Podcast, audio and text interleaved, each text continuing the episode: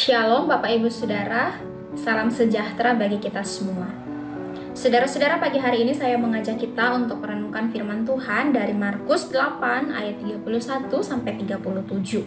Tapi saya hanya akan membacakan satu ayat, yaitu ayat yang ke-34.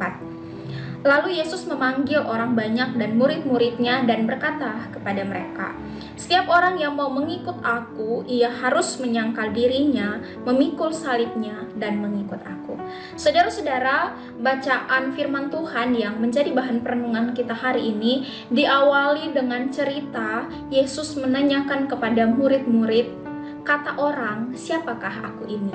Di dalam Markus 8 ayat 27. Saudara-saudara, Petrus adalah satu-satunya murid yang bisa menjawab dengan baik.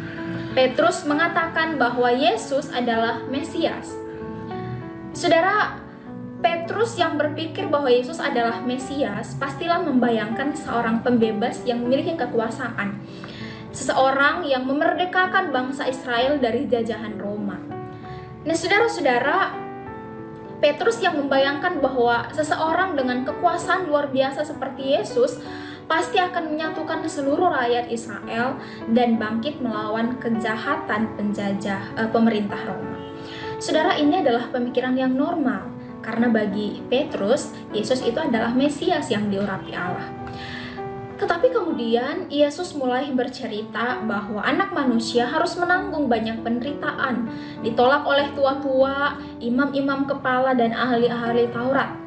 Bahkan tidak sampai di situ, saudara-saudara, ternyata Yesus juga mengatakan bahwa dia akan dibunuh dan bangkit pada hari yang ketiga. Nah, saudara, kemungkinan besar fokus Petrus sudah terpaku pada perkataan bahwa Yesus bahwa dia akan dibunuh sehingga Petrus tidak lagi memperhatikan apa yang dikatakan Yesus selanjutnya bahwa dia akan bangkit pada hari yang ketiga. Nah, saudara, karena hal inilah Petrus itu menarik Yesus ke samping dan menegurnya. Saudara bayangkan seorang murid menegur gurunya. Pastilah menurut Petrus hal ini, hal yang dikatakan Yesus ini sudah sangat keterlaluan sehingga dia harus menegur gurunya. Bahkan kata menegur di sini merupakan terjemahan yang halus, saudara, karena kemudian Yesus menggunakan kata yang sama di dalam bahasa aslinya untuk memarahi Petrus. Nah, saudara, Petrus membayangkan Yesus adalah Mesias yang bekerja menurut pemikirannya sendiri sebagai manusia. Petrus membayangkan Yesus bekerja dengan kerangka pikirannya sendiri. Petrus mau Yesus bekerja seperti Mesias yang dia bayangkan, berkuasa, membangun kekuatan dan melawan penjajah. Tetapi rencana Allah bukanlah rencana Petrus. Yesus kemudian memarahi Petrus dan berkata, "Enyalah iblis, sebab engkau bukan memikirkan apa yang dipikirkan Allah, melainkan apa yang dipikirkan manusia." Saudara, ternyata Petrus yang baru saja mengakui bahwa Yesus adalah Mesias juga bisa dipengaruhi oleh iblis. Saudara-saudara, pemikiran yang salah ini bukan hanya ada pada Petrus.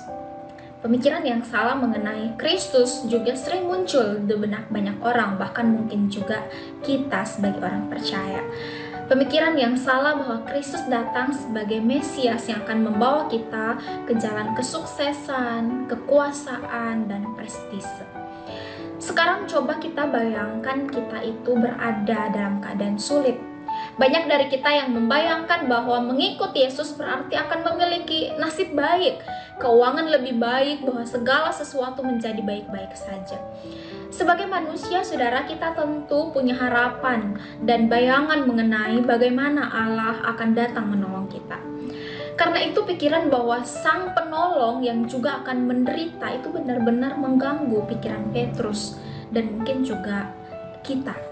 Nah, saudara Yesus berkata bahwa setiap orang yang mau mengikut aku, ia harus menyangkal dirinya, memikul salibnya, dan mengikut aku. Yesus berkata bahwa jalan menuju mengikut Dia adalah dengan pengorbanan dan penyangkalan diri sendiri. Saudara menyangkal uh, diri berarti mengesampingkan semua kepentingan pribadi kita dan mengutamakan kehendak Allah. Kalau kita tidak menyangkal diri, maka yang ada hanyalah kepentingan kita sendiri. Kita membuat Allah menjadi alat kepentingan kita sendiri Bapak Ibu Saudara, mengutamakan kepentingan Allah adalah sulit untuk dikerjakan karena kadang kita masih terjebak dalam keinginan diri sendiri. Seperti misalnya, saya mau melayani Tuhan asalkan di hari Minggu saja. Saya melayani Tuhan kalau saya tidak sibuk. Saya melayani Tuhan, saya mau melayani Tuhan kalau saya tidak sedang uh, banyak pekerjaan dan lain sebagainya. Saudara, ketika kemauan kita yang menjadi paling utama kita jadi tidak dapat lagi melihat kehendak Allah di dalam hidup kita.